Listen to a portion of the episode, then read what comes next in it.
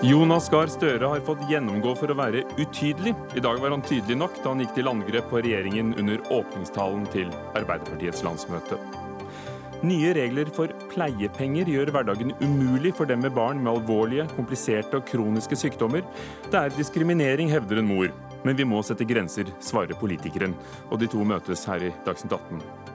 Og er videodømming i fotball fremtiden? Eller vil teknologien ødelegge spillets magi?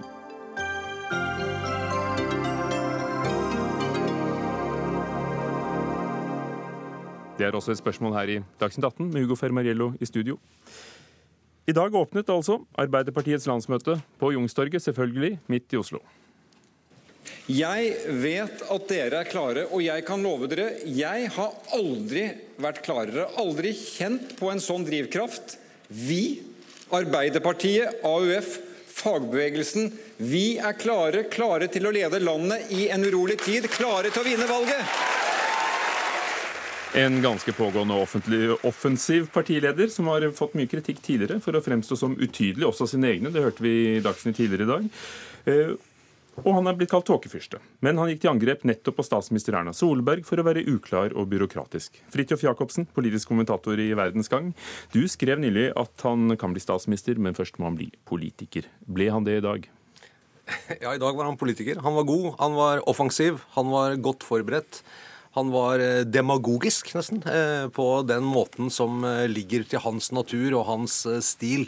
Eh, dette syns jeg var en god tale, og den vektvalgte også begeistring i salen, så vidt jeg forsto. Blir han klarere for dem som etterlyste tydelige standpunkter? I en tale som er så lang, og hvor man har så lang tid til å bygge opp argumenter, og den formen, så er det klart at man har mange muligheter til å være klar og forklare. Utfordringen er ikke å redegjøre for et partis politikk i et sånt format. Utfordringen er å komprimere alt i den talen ned til noe du kan si på 20-25 sekunder i en opphetet partilederdebatt i eh, NRK, f.eks. når det nærmer seg valgkampen. Slik at eh, alt det han sier i dag, på en måte henger på greip i en, en eller to setninger eller en måte å beskrive Norge på som, som vekker da begeistring for Arbeiderpartiet hos hans velgere. Eh, og det er jo det han kommer til å bli målt på fremover, ikke om han er en god taler. Tone Sofie Aglen, politisk redaktør i Adresseavisen. Du uh, satt her i studio i forrige uke under vår valgspesial uh, for å, å, å, se fremover hvordan valget vil bli. Fikk du noen klarere tanker etter å ha sett dagens landsmøtetale?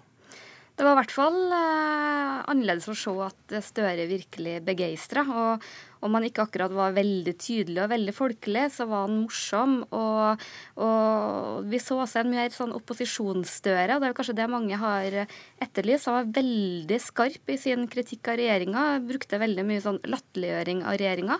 Og jeg tror nok også at det blir litt sånn eh, en suksessoppskrift om han skal klare å vinne valget, blir nok det å svartmale og beskrive regjeringa på en måte som gjør at velgerne kommer til Arbeiderpartiet et tydelig alternativ altså til regjeringen, men også til andre partier, som f.eks.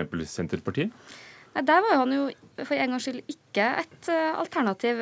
Og det er jo det man har sett en stund, at Støre har liksom ligna litt på Vedum og Senterpartiet og snakka litt om sånn by og land, hand i hand, og vært veldig uklar på kommunereform. Plutselig vil de ha billig bensin på bygda. og Det er nok en sånn, eh, noe som kler Arbeiderpartiet og Støre veldig dårlig.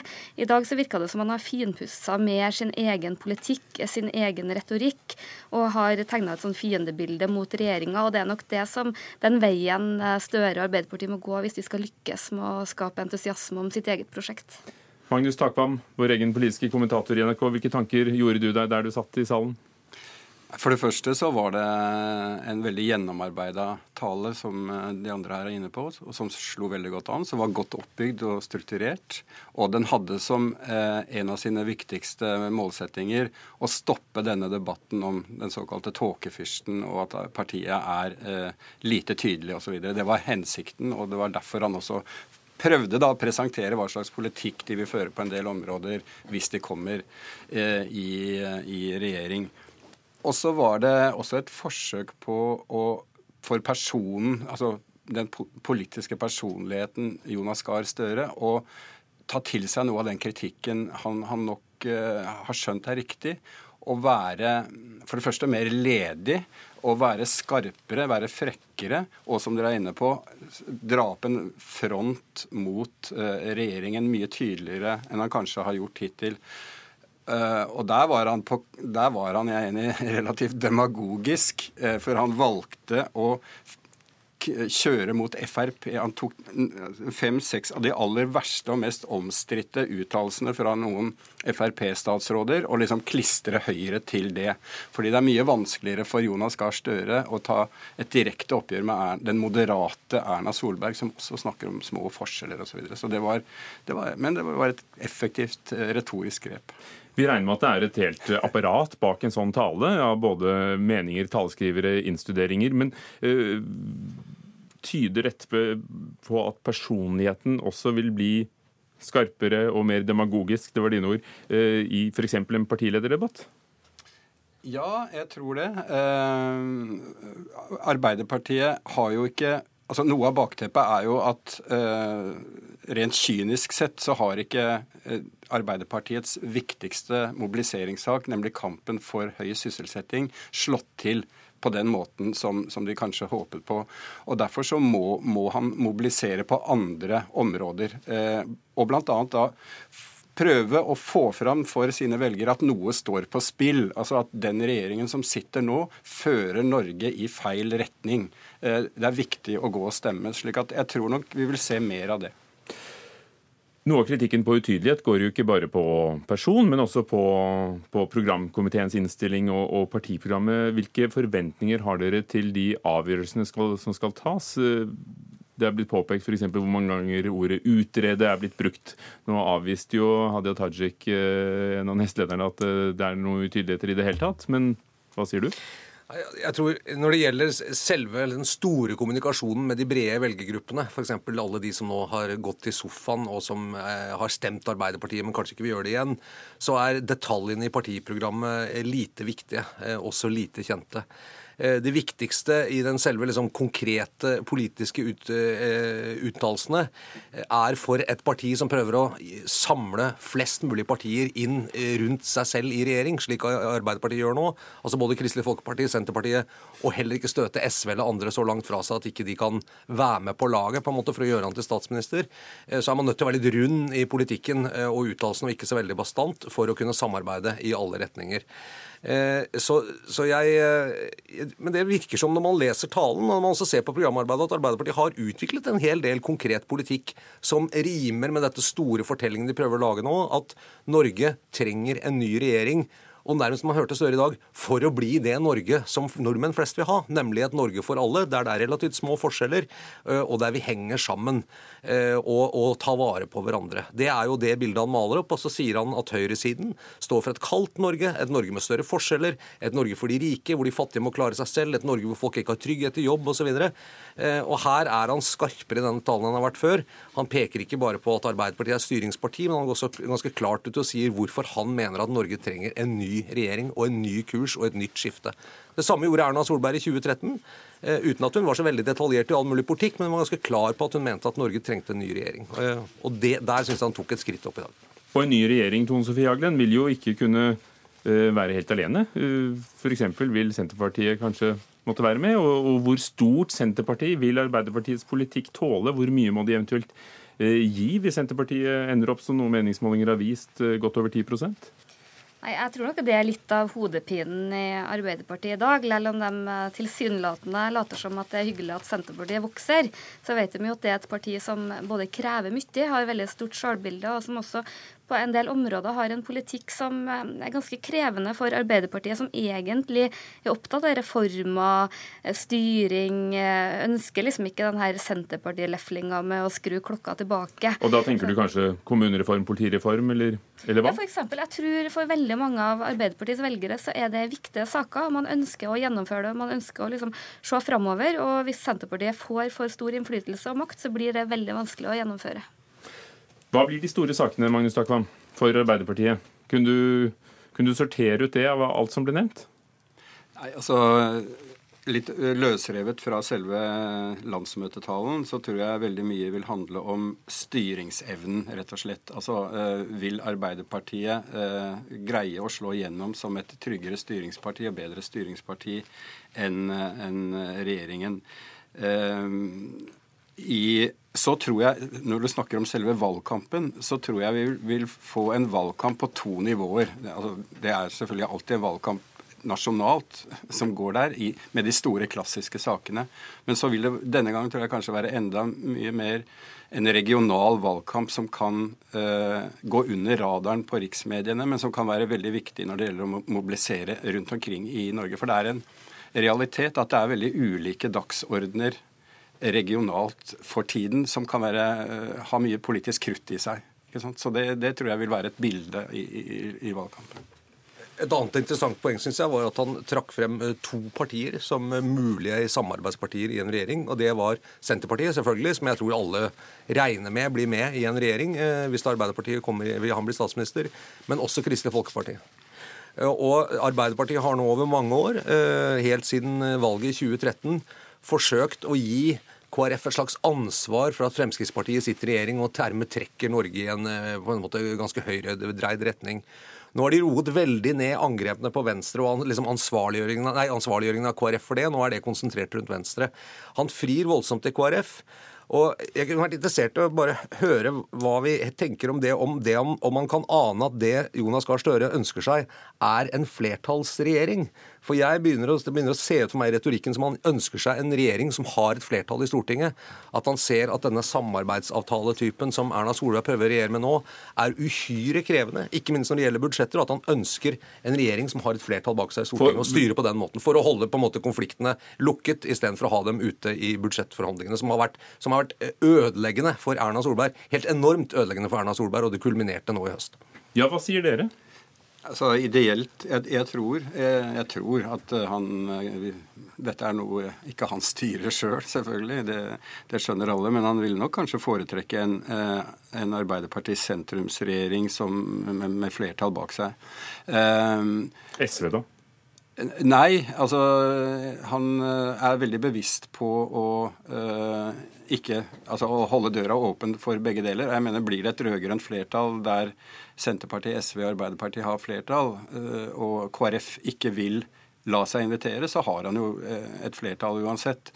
Men det, det, bare et lite poeng til slutt er at han har sammen med Senterpartiet alminneliggjort tanken om at Senterpartiet skal komme i regjering. Det er nå etablert, det har modnet. sånn det, kom, det å mobilisere liksom, Eh, vi, eh, mot Senterpartiet for, for, Høyres del blir etter hvert vanskeligere og vanskeligere. Og prøver også, de prøver også å gjøre det samme med Kristelig Folkeparti og alminneliggjøre tanken om KrF sammen med Arbeiderpartiet. Så det er en sånn strategi som på en måte lister seg inn der. Mm. Og vil velgerne da være for glid? Er, er det det prosjektet du også ser?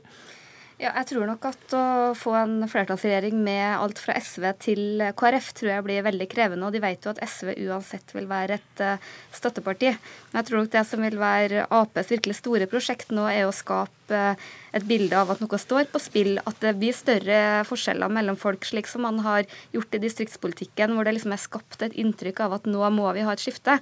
Uh, Arbeiderpartiets mulighet ligger i at man klarer det også på ulikhet og på velferdsområdet. Men det er interessant fordi at eh, eh, det har vært krefter i Arbeiderpartiet som ønsket, særlig mot slutten av Stoltenbergs regjering, at Arbeiderpartiet skulle gå i regjering alene. At vi skulle tilbake til eh, rene Arbeiderpartiregjeringer som kunne søke forskjellige typer flertall i Stortinget. Det var en del av kretsen rundt forrige generasjon rundt Stoltenberg som ønsket det. fordi at eh, man kunne søke med Høyre i oljepolitikk og andre steder, og så kunne man søke litt andre veier. Den tanken tror jeg Støre har forlatt. Eh, og Det kommer også til å prege valgkampen. for Man kan stå mye friere på en måte i å, å, være mye mer definitiv og skarpere i sin egen politikk hvis man ikke har i bakhodet at man faktisk skal sette seg ned og gjøre noen regjeringsforhandlinger med andre. Og det største partiet som skal lede og samle partiet rundt seg, er det som er mest forsiktig i retorikken. Og vi hører jo applaus når det kommer klipp på Dagsrevyen etter hvert, så, så ser vi jo faktene og mimikk og, og snakke om å hente i barnehagen osv. Hvor mye betyr pers den personlige det personlige ved talen? Hvor mye betyr opptredenen, og ikke bare ordene?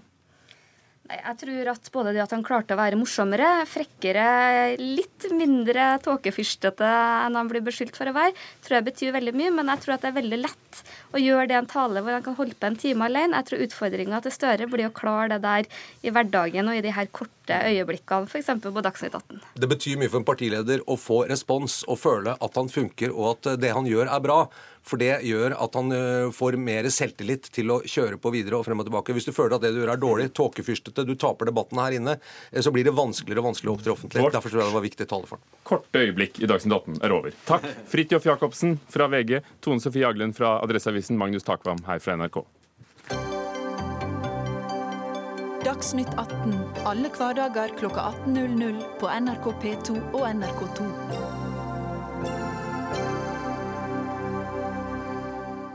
Denne uken vedtok Stortinget enstemmig nye regler som skal gjøre det lettere for foreldre med kronisk alvorlige syke barn. Men de nye reglene for pleiepenger, som det heter, har satt en grense for hvor lenge foreldre kan være borte fra jobben og få erstattet arbeidsinntekten sin. I tillegg vil de etter ett år få redusert inntekten til 66 av lønnen. Bente Stein Mathisen fra Høyre. Du har vært saksordfører i arbeids- og sosialkomiteen på Stortinget. Hvorfor har dere innført disse begrensningene i denne pleiepengeordningen? Jeg må først få lov til å si at Vi har innført en utvidet og stor ny pleiepengeordning. Den er en dobling av den ordningen som finnes i dag. Dobbelt så mange vil få rett til pleiepenger i den nye ordningen som vi vedtok nå. Det er veldig viktig å få fram. Så er det noen rammer for dette her. Vi har lagt oss på den samme, samme reglene som gjelder det å være sykemeldt. Det er sånn når du er sykemeldt også, så får du 100% lønn det første året. Og så går du over på de fire neste årene, hvis du går på arbeidsavklaringspenger, til 66% av inntekten. Og pleiepenger, det, det er viktig å påpeke at det er en midlertidig inntektssikring for yrkesaktive foreldre som må være borte for å pleie sine syke barn.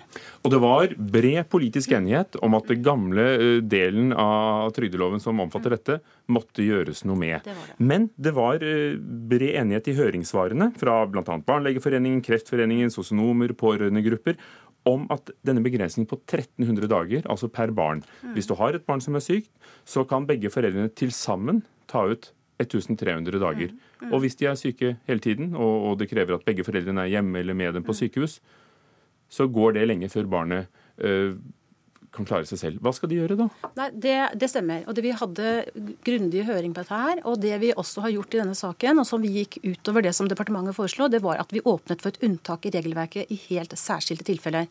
Det vil si, hvis det er et barn hvor dagkontoordningen er brukt opp, og barnet igjen blir alvorlig sykt, får en livstruende sykdom, og man trenger døgnkontinuerlig tilsyn og pleie av sine nærmeste, da er det åpnet for at man igjen kan på, altså, få økte pleiepengedager eh, videre. Og da er det ingen begrensning i det heller. Det er liksom den, kan du si, hvis det er en sånn en, eh, den midlertidigheten av en alvorlig sykdom. Mm. Mm.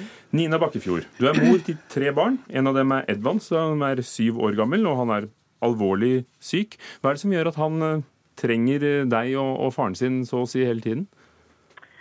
Um, han har et komplisert sykdomsbilde uh, av varig karakter. Um, jeg har stått i jobb helt inntil våren i fjor og hatt flere runder med pleiepenger fordi jeg måtte være borte fra jobb og over på pleiepenger pga. alvorlig sykdom. Uh, og så I fjor, eller for litt over et år siden, så, så forverret tilstanden hans ganske kraftig. og Han ble helt avhengig av intravenøs ernæring. Um, noe som krever ekstremt mye oppfølging, eh, fordi at det er eh, altså, mye prosedyrer som må gjøres, som må følges eh, veldig nøye. Men så er det sånn at i tillegg til dette at han trenger intravenøs ernæring, så har han, eh, har han en sjelden tarmsykdom som, som, er grunnen til at han trenger, trenger eh, ernæringa på den måten. Han har søvnapne, så han har pustestopp når han sover og trenger pustehjelp på natta. Han har hjertefeil og må overvåkes under søvn, dvs. Si at han faller i, surstoffmetning og puls og sånn. Så har han knapp i magen, hvor han kan få noe i gode perioder i magen sin. Og så har han måttet legge ut tarmen sin fordi at tarmsystemet ikke fungerer. Så han har en utlagt tynntarm. Og du befinner deg faktisk faktisk nå på sykehuset fordi du ikke kunne forlate det for å, for å bli med i studio i Fredrikstad. Men du skrev et innlegg ja. i Moss Avis denne uken at de nye pleiepengereglene vil være diskriminerende. De vil gjøre det enda verre for, for dere. Hvordan da? fordi at eh, etter de eh, Hvis vi skal snakke om gamle og nye regler, da. Etter gamle regler så er det sånn nå at eh, hadde Edvan f.eks. fått en bedre periode, eller eh, man hadde klart å få til, eh, få til en, en, god ordning, som er dessverre veldig vanskelig å få til rundt disse barna som har kompliserte tilstander. Så, så, men, men hvis man hadde fått til det, og jeg kunne på en måte gått ut i jobb igjen, så hadde jeg med en gang jeg vært inne i arbeidslivet igjen, så hadde jeg hatt rettigheter etter den gamle ordningen, som nå gjelder per nå, eh, til å eh, ta ut pleiepenger hvis han igjen skulle få ustabile perioder, eh, bli lagt inn på sykehus, trenge det over lengre tid, og trenge oss på sykehuset. Så Da hadde jeg fortsatt hatt muligheten. Men etter de nye reglene så er det faktisk sånn at blir det ustabile perioder igjen hos barnet ditt, eller barnet ditt får en ny sykdom, en ny tilstand som krever, krever ny langvarig sykehusinnleggelse, over tid så er det, er det, faktisk sånn at har du brukt opp disse 1300 dagene, så står du der uten lønn. Selv om man kanskje har klart å skaffe gode ordninger til den gamle tilstanden, for å si det sånn det er, altså jeg vet om foreldre som har barn som må være på sykehuset med barna sine i, i mange mange måneder i strekk fordi at kommunene klarer ikke uh, å bygge opp et forsvarlig tilbud for disse barna hjemme. For det er jo meningen, uh, ikke sant, Nina Bakkefjord, at da er det kommunene som skal kunne stille opp med, med uh, en form for omsorgsstønad eller et tiltak for dere? Ja. Um, og og, og det, er jo, det, er jo, opp til hver enkelt kommune hvordan de løser det. Eh, det er ingen regler i dag som sier noe om at øh, foreldre som er hjemme for å pleie barna sine, eh, har tilbud om, om en lønnsinntekt. Det, er, det, det, kalles omsorgslønn, eller nå etter det nye ordet omsorgsstønad, men det er ingen, ingen regelverk som, som, sier at den skal være så og så høy. eller altså Kommunene har øh, selvstyre selv på hva de vil gjøre utbetale, og så uh, prosentvis hvor høy pro prosent man får i omsorgsstønad, og hva disse satsene skal ligge på. Sånn at man er uh, veldig veldig avhengig av hvilken kommune man bor i, om man klarer å få til gode ordninger. Um, og så er det mange som vil tenke at ja, men kommunen kan jo komme inn og ta over. Uh, men disse sykdommene eller tilstandene som jeg snakker om nå, er de som har alvorlige eh, ting. Og Da er det ganske kompliserte ting eh, som kommuner ofte ikke har kompetanse på, eller som trenger seg lang tid å skaffe kompetanse på. Og En annen ting er at eh, små barn som er alvorlig syke, de er ikke som små voksne som er syke. Også barn har helt andre behov enn voksne. Sånn at eh, de trenger faktisk foreldrene sine. Eh, og det er jo også sånn at eh, Eh, dette nye vedtaket det rammer enda hardere de som har, har de alvorlig syke barna. Eh, for eksempel, eh, hvis jeg skal gi et eksempel nå. Hvis, hvis, vårt barn eller noen som helst annet barn da hadde brukt opp denne kvoten, for den, denne dagskvoten hører til barnet ditt, ikke sant? hadde brukt opp denne kvoten, eller og, og blitt på ny alvorlig syk da, så hadde, hadde disse foreldrene ikke kunnet være med barnet sitt på sykehuset, uh, uansett om det var på en måte alvorlig, så lenge den klausulen i unntaket står at man ikke, man ikke uh, har rett til noen ny runde så lenge uh, den situasjonen, den sykdommen man har, er varig, eller så unntaket gjelder ikke alle? og det vil ikke... Gjelder ikke alle, fordi det står en ekstra setning der. og det vil ikke være gjeldende for, for, for deg, Edvald, familien deres. Nina Bakkefjord, hold, hold, tråden, er du snill. Um, ja. Bente Stein Mathisen. Kan jeg bare få si én ting til før du går videre? Kom igjen. For, for, nettopp dette her med at det er eh, de alvorlige syke dette går mest utover. da. Dere har, altså, den, Stortinget har satt et tak på at 100 %-regelen, altså dekning av lønn i 100 eh, det gjelder kun de første 260 dagene. Og så er det sånn fordi at denne dagkontoen gjelder kun barnet ditt. Hvis, hvis, det er et barn som blir alvorlig, alvorlig sykt, og begge foreldrene er nødt til å være til stede med barnet på sykehuset, så telles det to dager per døgn. Det vil faktisk si at eh, man har ikke 100% lønn i 260 dager heller. Etter 130 dager vil da eh, eh, begge foreldrenes lønn gå ned til 66% Og Det er i disse situasjonene som faktisk barna er mest alvorlige syke, som dette vil skje. Så de vil bli straffa på en måte både tidligst og verst. fordi at begge Og da vil jo mange kanskje ikke klare seg. Nina, eh, Bente Stein Mathisen, det var jo disse unntakene eh, mange i høringene advarte mot, som jeg nevnte. Dere har doblet ordningen, eh, også pengemessig, så det er jo ikke for å spare penger.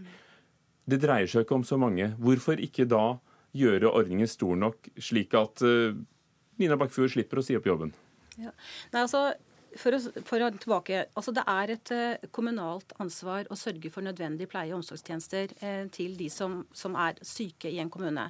Pleiepenger er er fortapt arbeidsinntekt for foreldre til syke barn som må pleie barna sine. Jeg, skjønner, jeg ser dette her, eh, og vi fikk jo disse innspillene på høringen også, disse som bruker opp dagkontoen sin. Derfor så har vi dette unntaket. Og sånn som, som Nina her snakker om, så tenker jeg at når et barn får en forbigående alvorlig ny lidelse og må legges inn på sykehus eller må ha kontinuerlig tilsyn og pleie, ja da er det åpnet for det i dette unntaket som nå ligger i regelverket. Sånn leser jeg det i hvert fall. Så, men, men, men, men varig syke barn er ikke med i ordningen. Der har man enda For det ustabile er jo det konstante her. Ja, men, men, jeg sier det, det, er stabile perioder også. Og så kommer det plutselig en topp med noe ustabilitet, og da må man ha døgnkontinuerlig pleie, og da slår dette inn. Sissel Berg Haverån, du er klinisk sosionom ved Rikshospitalet ved Oslo universitetssykehus. Du har arbeidet med foreldre med veldig syke barn i over 30 år. Som du leser eh, den nye loven som ble vedtatt denne uken, hvilke utslag tror du det vil gi? Først vil jeg støtte Nina, som vi nettopp hørte, veldig i hennes bekymring.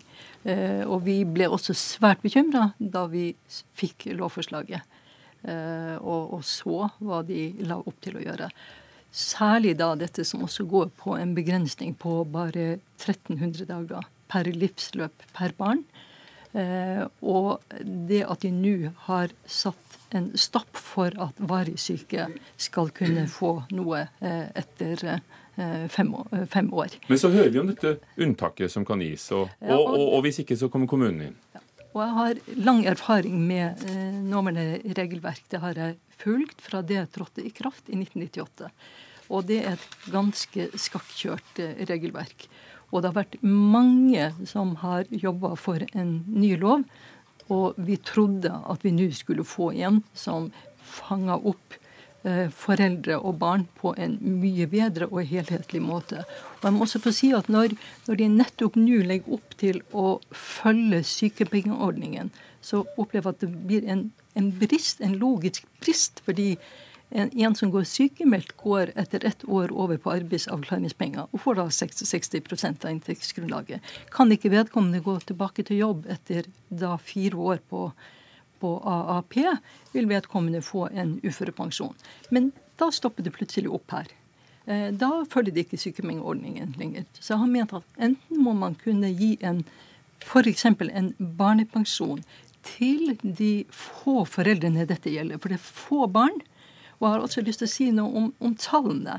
Tallene i 2014 viste at sykepenger utgjorde 32,3 milliarder.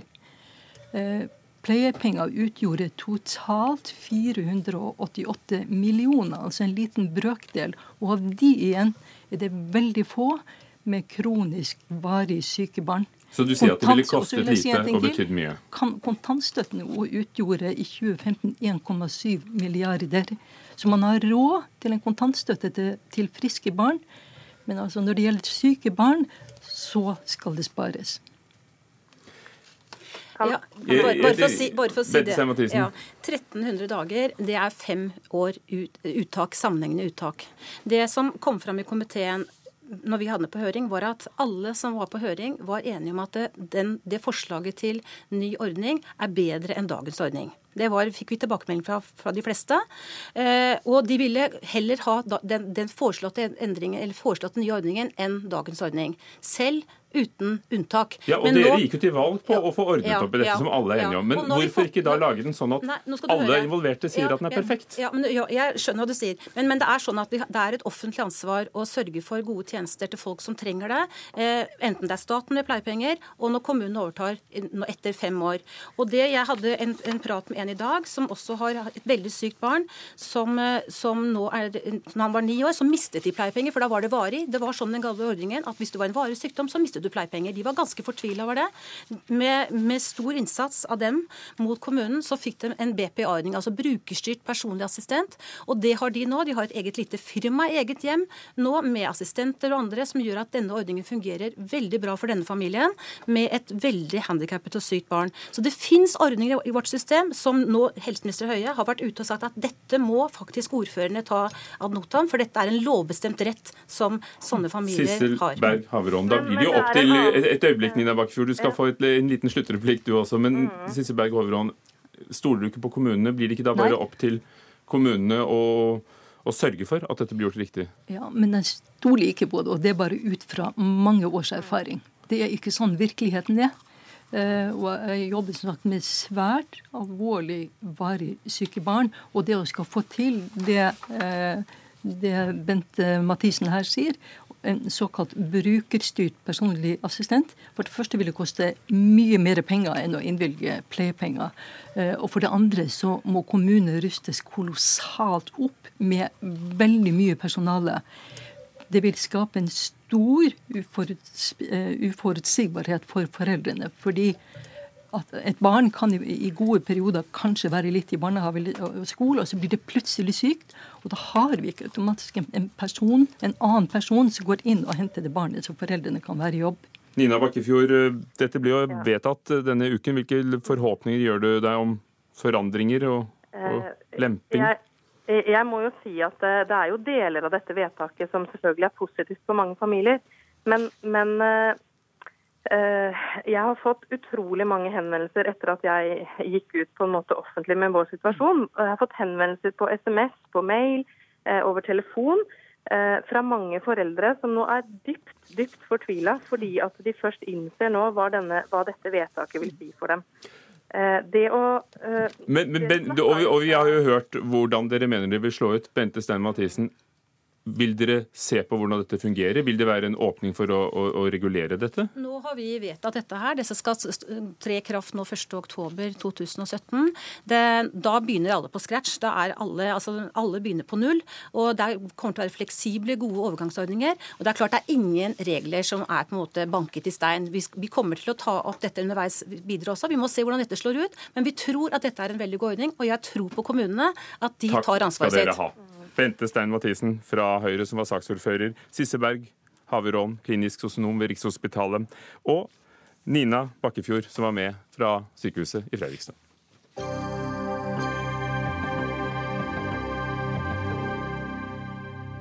Vi skal til Russland. Næringsminister Monica Mæland er den første norske statsråden som besøker Moskva etter den russiske annekteringen av Krimhalvøya i 2014.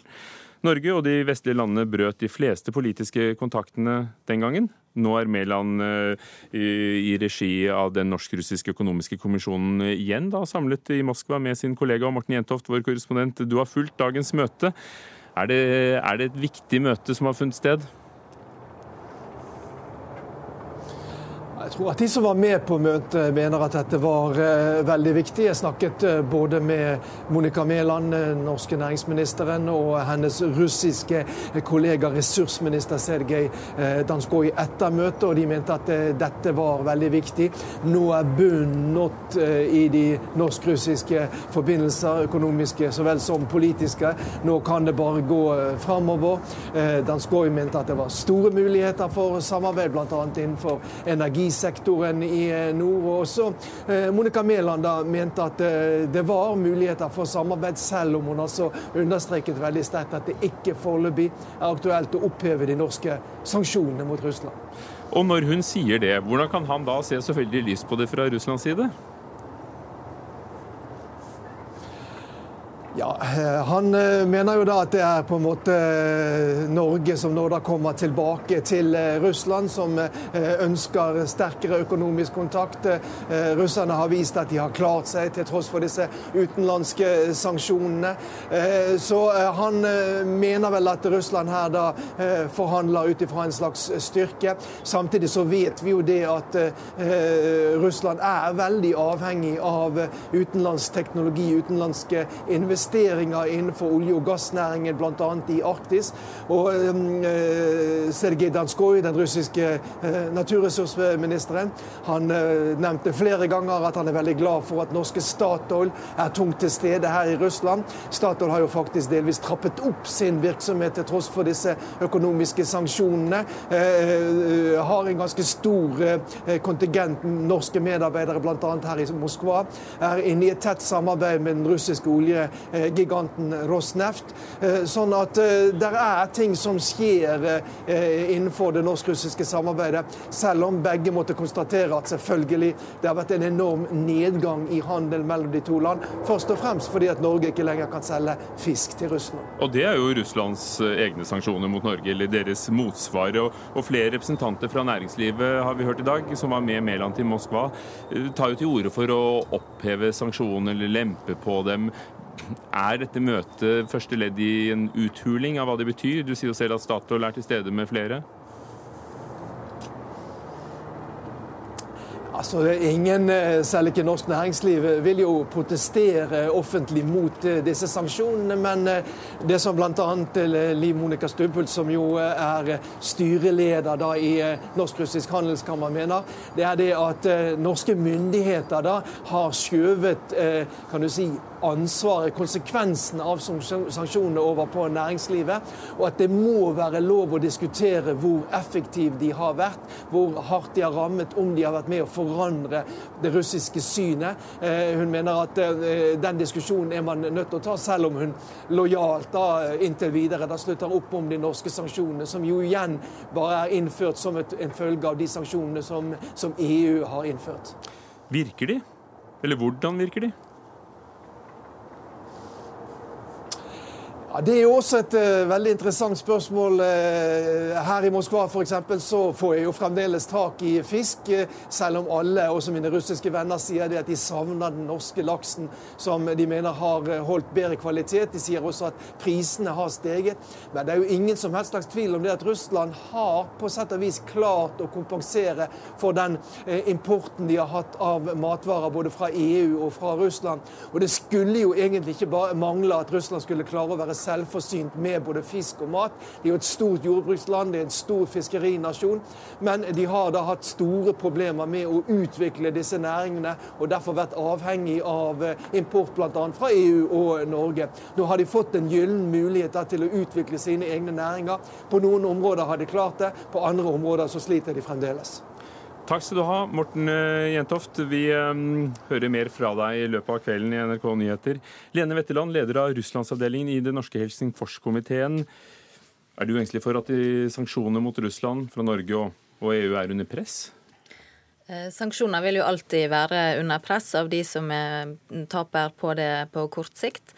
Men det er jo viktig å huske på at sanksjoner de, de virker. Og det er Russland som sin feil at de finnes. Er Russland så vi må endre på ting for at de skal eh, oppheves. Kristian Tybring-Gjedde fra Fremskrittspartiet og medlem av utenriks- og forsvarskomiteen på Stortinget. Du har som en av veldig få norske politikere tatt til orde for at vi, vi burde lette på sanksjonene mot Russland. Men, men, det er jo ikke noe vi har funnet på alene. Dette er jo da sammen med EU. Så, eh, så hvorfor mener du at det er på tide? Jeg tror sanksjonene ble innført litt forhastet. Eh, det var i en, eh, i en, tid hvor eh, alle folk reagerte selvfølgelig på annekteringen av Krim. For det gjør du òg? Ja da. Og det var et folkerettsbrudd osv. Det, det, det er helt greit. Men nå må vi tenke på hvordan man skal komme ut av noe. Altså, alle vet at Russland aldri kommer til å forlate Krim ja, de går heller konkurs enn å forlate Krim. Det tror jeg egentlig alle forstår. Og, og, og, vi kan ikke ha sanksjoner mot Russland til evig tid. Så vi er nødt til å gå på et lite prestisjenederlag der. Eh, og jeg tror det er klokere å gjøre det raskere enn å gjøre det senere. Bør vi agere alene, eller bør vi få med oss EU? Ja, Gjerne få, få med oss EU, men husk at vi har et spesiell interesse av å ha et godt forhold til Russland som et naboland. Eh, og vi vet hva Russland eh, Vi kan se på Storskog at eh, med problematikken med flyktninger Det var også da linket muligens opp til det. Jeg har, jeg har ingen forutsetninger for å mene det, men, men, det kan være at Russland kan gjøre en del ting mot oss som er veldig ikke særlig positivt. Og så har vi altså et stort kulturelt utveksling med Russland. Vi har Kirkenes, hvor jeg antall skilt er, er på, på, på, russisk. Det er mange mange mennesker som krysser grensen hver eneste dag og har utveksling. Jeg tror vi bør bygge på det, og ikke gå tilbake til den kalde krigs retorikk eller den kalde krigs erfaring, det fører ikke noe sted frem. Vi må samarbeide med Russland, og jeg tror vi har mye til felles med Russland, og da ikke stå på dette eksempelet her, som gjør at vi mister det muligheten for samarbeid. Setter vi oss selv i, i fare, Vetland? Og når du ser på situasjonen på Krimhalvøya, ser det ut til at sanksjonene virker? Eh, sanksjonene virker. og eh, Hvordan? En av hovedgrunnene til at de virker, er at de nettopp ikke setter oss i fare. Sanksjonene er innført fordi Eh, annekteringen av Krim var et grovt folkerettsbrudd, og Norge er jo absolutt interessert i at folkeretten respekteres, særlig med et naboland som, som Russland. Men hvordan virker de? Eh, de virker fordi man ser tydelig at eh, Putin er bekymret for, eh, for, det som skjer, med de motreaksjonene som han har mot sanksjoner innført. I forrige runde med Magnitskij-sanksjoner i USA, at barn ikke kunne adopteres til Russland. Oppheving av våpenavtale med USA osv. Den, de, de påvirker... det, er selve sanksjonene, men mener du at det påvirker hvordan Russland har handlet også på Krimhalvøya? Og, og den politikken de fører? Ja, eh, altså de ser jo at eh, eh, et samlet Vesten står mot det som har skjedd der. Eh, hvis man ikke gjennomfører og står på til slutt med den type sanksjoner, og opphever de nå uten at Russland har gjort noen endringer, så vil de jo undergrave hele, hele, konseptet. Så det er veldig viktig å stå på disse prinsippene nettopp for å beskytte Norge og stabilitet eh, videre. Og de vil jo i hvert fall ikke endre eh, politikken hvis man opphever sanksjonene uten at det har skjedd noe. For hvorfor skal, skal vi gi oss hvis vi mener det er feil? Jo, for det, det er det som diplomatiet er til. At du er nødt til å finne en løsning eh, på dette. Og, og når du vet at Russland ikke kommer til å forlate Krim, det prestisjenederlaget kommer ikke de til å ta.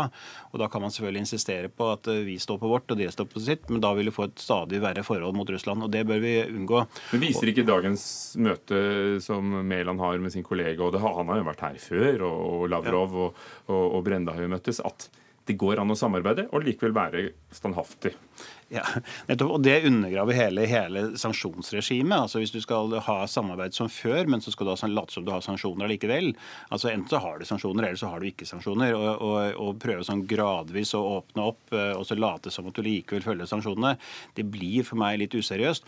Og dessuten når du snakker om folkerettsbrudd, så, så, er det jo det er jo ikke sånn det er første gang i historien at det har vært et folkerettsbrudd. Altså, det, mange har jo kommet med tilsvarende anklager mot USA litt, litt tilbake i tid. og Det har ikke vært akkurat samme boikotten tendensene da. Så jeg tror vi skal være litt forsiktige. Du tenker på Guantánamo?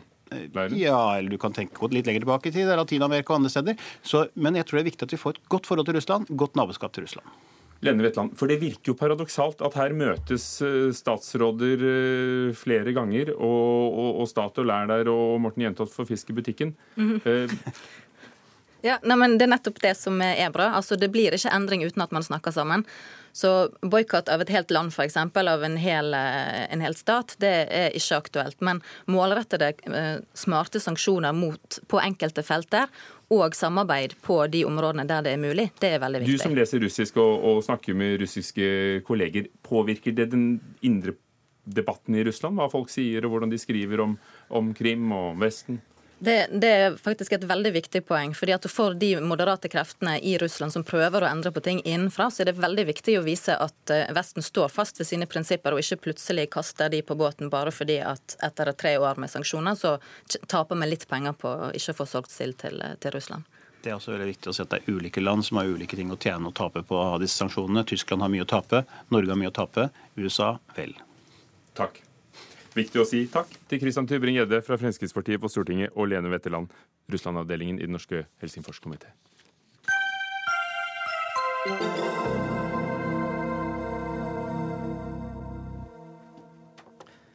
Er videodømming i fotball fremtiden, eller er det teknologien som vil ødelegge spillets magi? Debatten raser nemlig etter tirsdagens kontroversielle seier for Real Madrid mot Bayern München. Cristiano Ronaldo! Og så er det offside. Og så er det offside. Jeg ser ikke assistentdommer. Se på Marcelo, se på Marcelo! Og slippe den til Cristiano Ronaldo, og den er godkjent! Og det her, Marcelo Kanskje den tvilsom i forhold til offside også. Har vært en del situasjoner. Kommentator Roar Stokke i Viasat, som vi hadde plukket fra VGTV. Og for de som ikke så kampen, tyskerne ble straffet av tre åpenbare dommerfeil. En spiller ble urettmessig utvist. I tillegg var Cristiano Ronaldo i klar offside-posisjon på sitt andre mål og i hårfin offside-posisjon på sitt tredje mål. Eh, så nå vil mange ha videodømming for så fort som mulig å unngå slike situasjoner. Og Magnus Forsberg, du er ikke bare blogger på Fotballdirektoratet, du er også jurist av legning, og du sier at videodømming er fremtiden. Hvorfor? Altså For det første så er det jo fremtiden fordi det allerede er på vei. Eh, det blir testet ut nå av eh, Fifa i landskamper. Det blir testet ut i Bundesliga, i Serie A, i MLS i USA, i Australia. Så det at det er på vei, det er det ingen som kan eh, Det betyr ikke at det er en god ting? Det betyr ikke at det er en god ting. Men fotball er sport, en sport om enkeltøyeblikk. Og når så viktige enkeltøyeblikk, som f.eks. i denne kampen her, går i feil retning, så påvirker det så mye, og det har så stor økonomisk impact for de klubbene som blir påvirket, at jeg tror nesten ikke det er noen vei utenom. Egon Holstad, eh, kommentator i avisen i Tromsø og kjent journalist eh, som har skrevet flere fotballbøker og, og brenner for spillet. Altså Disse fotballspillerne, eh, spesielt Ronaldo, har vært sin vekt i gull. Det betyr mye, mye står på spill, også penger. Hvordan kan du si nei til, til noen som vil oppklare alle sånne misforståelser? Eh, når det gjelder den økonomiske situasjonen til Cristiano Ronaldo, Bayern München og Real Madrid, så er det kanskje det jeg bryr meg aller minst om på generell basis, og for så vidt også i, i denne diskusjonen. Eh, det jeg er opptatt av, er jo at, eh, at jeg ikke er imot bruk av moderne teknologi.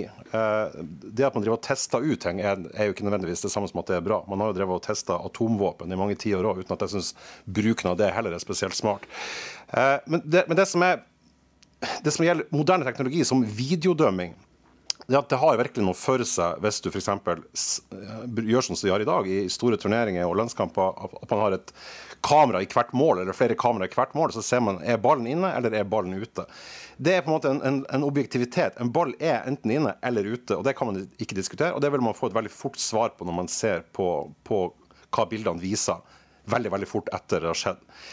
Men når det gjelder når det gjelder sånn som i dag, hvor vi har ekstremt gode videoproduksjoner, Premier League i, i, i særdeleshet, og man får se alle situasjoner man vil, frem og tilbake og i sakte film. og, og Likevel så sitter altså et panel i pausen og etter hver kamp, og det er gjerne de i verden med, med mest peiling på, på, på fotball, altså dommere, tidligere spillere, managere, sportsjournalister og sanndrømte.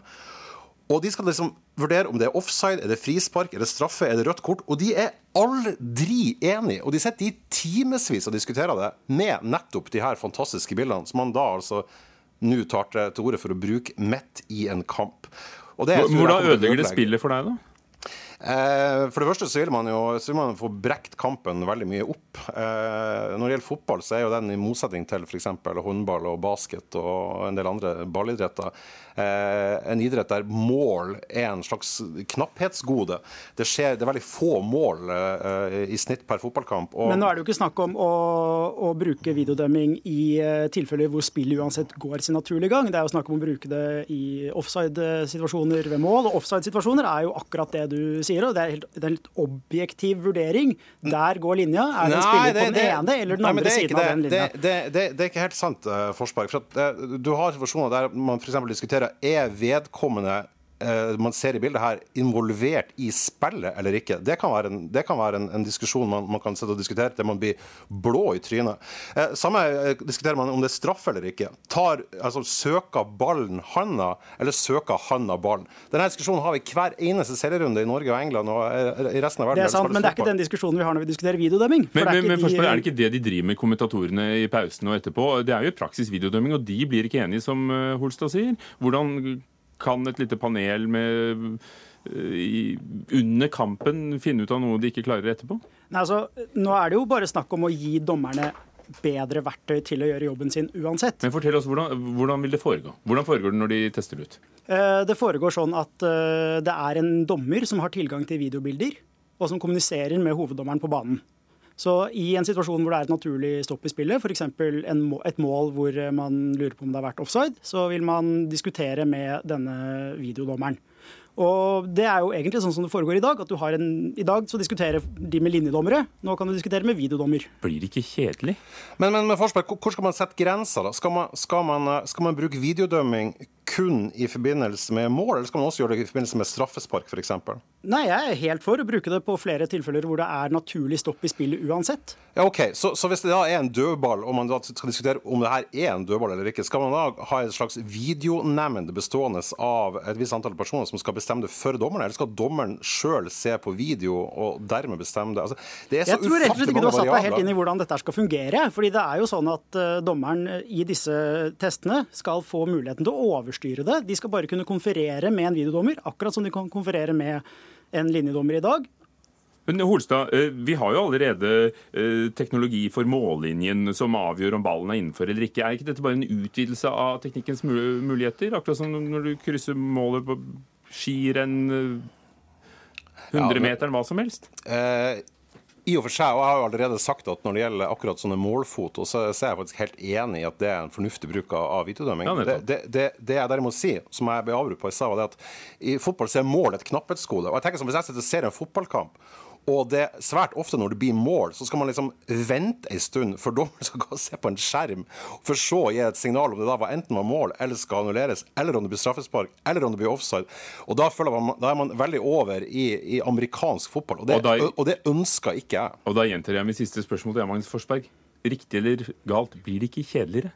Vet du hva, Jeg tror at fotballsupportere og fotballspillere og fotballkommentatorer de kommer til å finne noe å klage på helt uansett. Det som blir det som skjer her, er at det blir riktigere.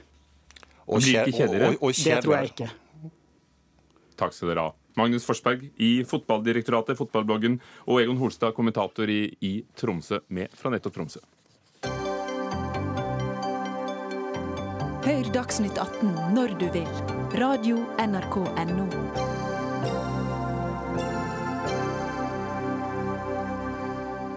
Når Statens legemiddelverk ser på nye legemidler som kan forlenge livet til personer med alvorlige sykdommer, er de altfor ofte for strenge når de vurderer effekten i forhold til prisen.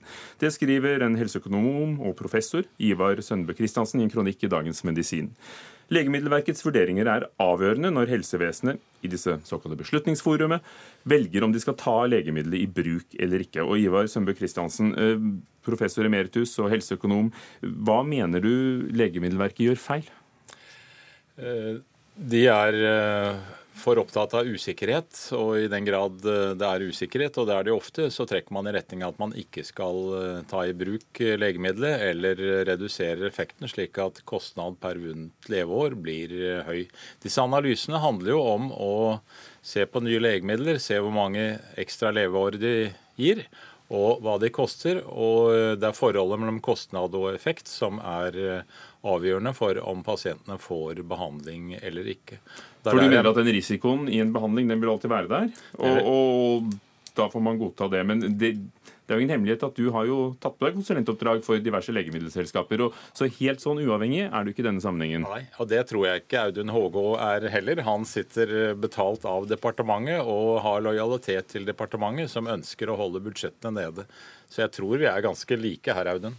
Audun Hågå, direktør i Statens legemiddelverk. Er det er det det som ligger til grunn? Har dere et oppdrag om å spare mest mulig penger når dere vurderer nye piller? Nei, heldigvis ikke. Og det er jeg veldig glad for i mitt daglige arbeid. At jeg kan virkelig, og vi kan konsentrere oss om å forsøke å gjøre hva som er best for pasientene.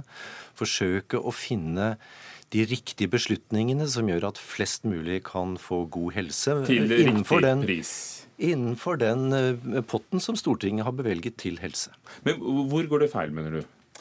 Eh, ja, Det ene er at man gjør faktisk eh, regnefeil eller eh, legger forutsetninger til grunn som ikke er korrekte. Og man legger skjønn til grunn som er for konservativt. Ja, Hågå? Ja. Vi har fått mye ansvar på dette feltet, som er viktig for veldig mange. Og det er viktig at vi ikke triller ned i fella og tror at vi er perfekte. Vi ønsker hele tiden å bli bedre.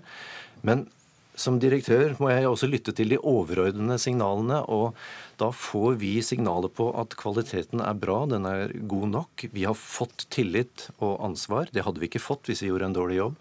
Det er ro på feltet. Så har vi én stemme som eh, er på oss hele tiden, og det setter jeg egentlig pris på. Det er bra noen passer på.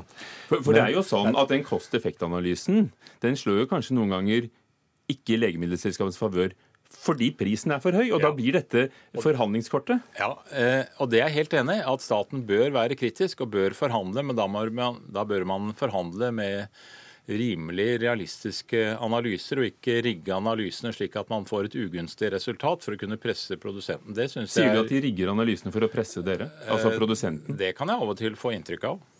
Dessuten vil jeg si at ja, stopp, la, la, oss ta den, ikke noe dessuten nå. Jeg er selvfølgelig uenig i det. Altså, det, er, det, er, en påstand. Og vi har, ingen, vi har ingen målsetninger, vi har ikke noen insentiver som skulle gjøre at vi var interessert i det. Det vi ønsker, det er å fatte riktige avgjørelser og finne det riktige svaret. Ingen er i tvil om at alle ønsker det beste for pasientene. Men ett insentiv er jo, om ikke nektet legemiddel, i hvert fall presse prisen ned. Et eksempel er uh, nye legemidler for behandling av hepatitt C. Der er jo prisen så å si halvert etter at dere var restriktive ja. i hvilke behandlinger som skulle gi. Det er bare ett eksempel. Helt... Så da er det jo en teknikk for å få ned prisen, er det ikke ja. det? Jo, fordi, men til, en, til, et riktig nivå. Ikke så lavt som overhodet mulig på alle bekostninger. Rigge, tester alt mulig sånt, men komme til et riktig nivå. Og i mellomtiden, hvilke konsekvenser har det for pasientene som kunne trengt et legemiddel? Det som er viktig, er jo å se dette overordnet. Hva er den beste løsningen innenfor den budsjettrammen som fins? Innenfor de begrensede midlene som fins? Hvor er den riktige prisen? Selvfølgelig! Det er jo det som er hele poenget. At hvis vi kommer til en riktig pris, så kan eh, pasientene få tilgang. Men hvis de har en for altfor høy pris, så vil det gå på bekostning av andre pasienter som kunne hatt en bedre nytte av det. Ivar Sønbø Christiansen har selv innført begrepet 'tause tapere'. og Det er selvfølgelig det vi ønsker å unngå. Jeg vil gjerne legge til at det er ikke slik at jeg er den eneste som er kritisk til disse analysene. Jeg syns du skulle gjøre en systematisk review av alle de brukerne av Legemiddelverkets tjenester, og høre hva de synes. Har du noen eksempler på pasientgrupper som du mener har, har lidd skade pga. det du mener er dårlig saksbehandling? I dag har jeg drøftet to saker, et hjertesviktlegemiddel og et eh, kreftlegemiddel, hvor jeg mener Legemiddelverket har gjort feil, og hvor pasienter formodentlig har fått eh, behandling senere enn de ellers kunne ha fått. Fordi saksbehandlingen har blitt forsinket. Men hvis det er snakk om å til slutt oppnå en riktig pris, f.eks. i et tilfelle med hepatitt C, hvor det finnes alternative behandlinger eh, også, selv om de er tar lengre tid og, eh, og, medfører mer plager. Er det ikke et signal til legemiddelindustrien om at dere går ut med for høy pris, som også helseminister Bent Høie hevdet? Eh, han kalte det faktisk uetisk i desember. Jeg er helt, helt enig i det. Og eh, der hvor det er konkurranse om legemidler, sånn som det har vært på hepatitt C, og vi får et kraftig prisfall, så syns jeg det er aldeles utmerket. Hadde vi fått Men det mitt, prisfallet mitt, uten, uh, uten, innkjøpsstoppen? Uh, vi hadde ikke fått så stort prisfall uten anbud, og det er en helt annen sak. Det jeg snakker om, er de analysene Legemiddelverket gjør, og som ligger til grunn for prisforhandlinger med eh, produsentene. og Der mener jeg at man skal holde en høy faglig standard og eh, forsøke å få et rimelig estimat for hva som er kostnader og effekter, og ikke forsøke å få en høy kostnad per vunnet leveår. Og Hvorfor må vi Hågå, sitte og, gjøre det alene i Norge? Det sitter jo eh, EU gjør samme jobben. Dette er et godt spørsmål. Eh, på området for å vurdere nytte versus risiko, altså markedsføringstillatelsen, så har vi et europeisk samarbeid og en arbeidsdeling.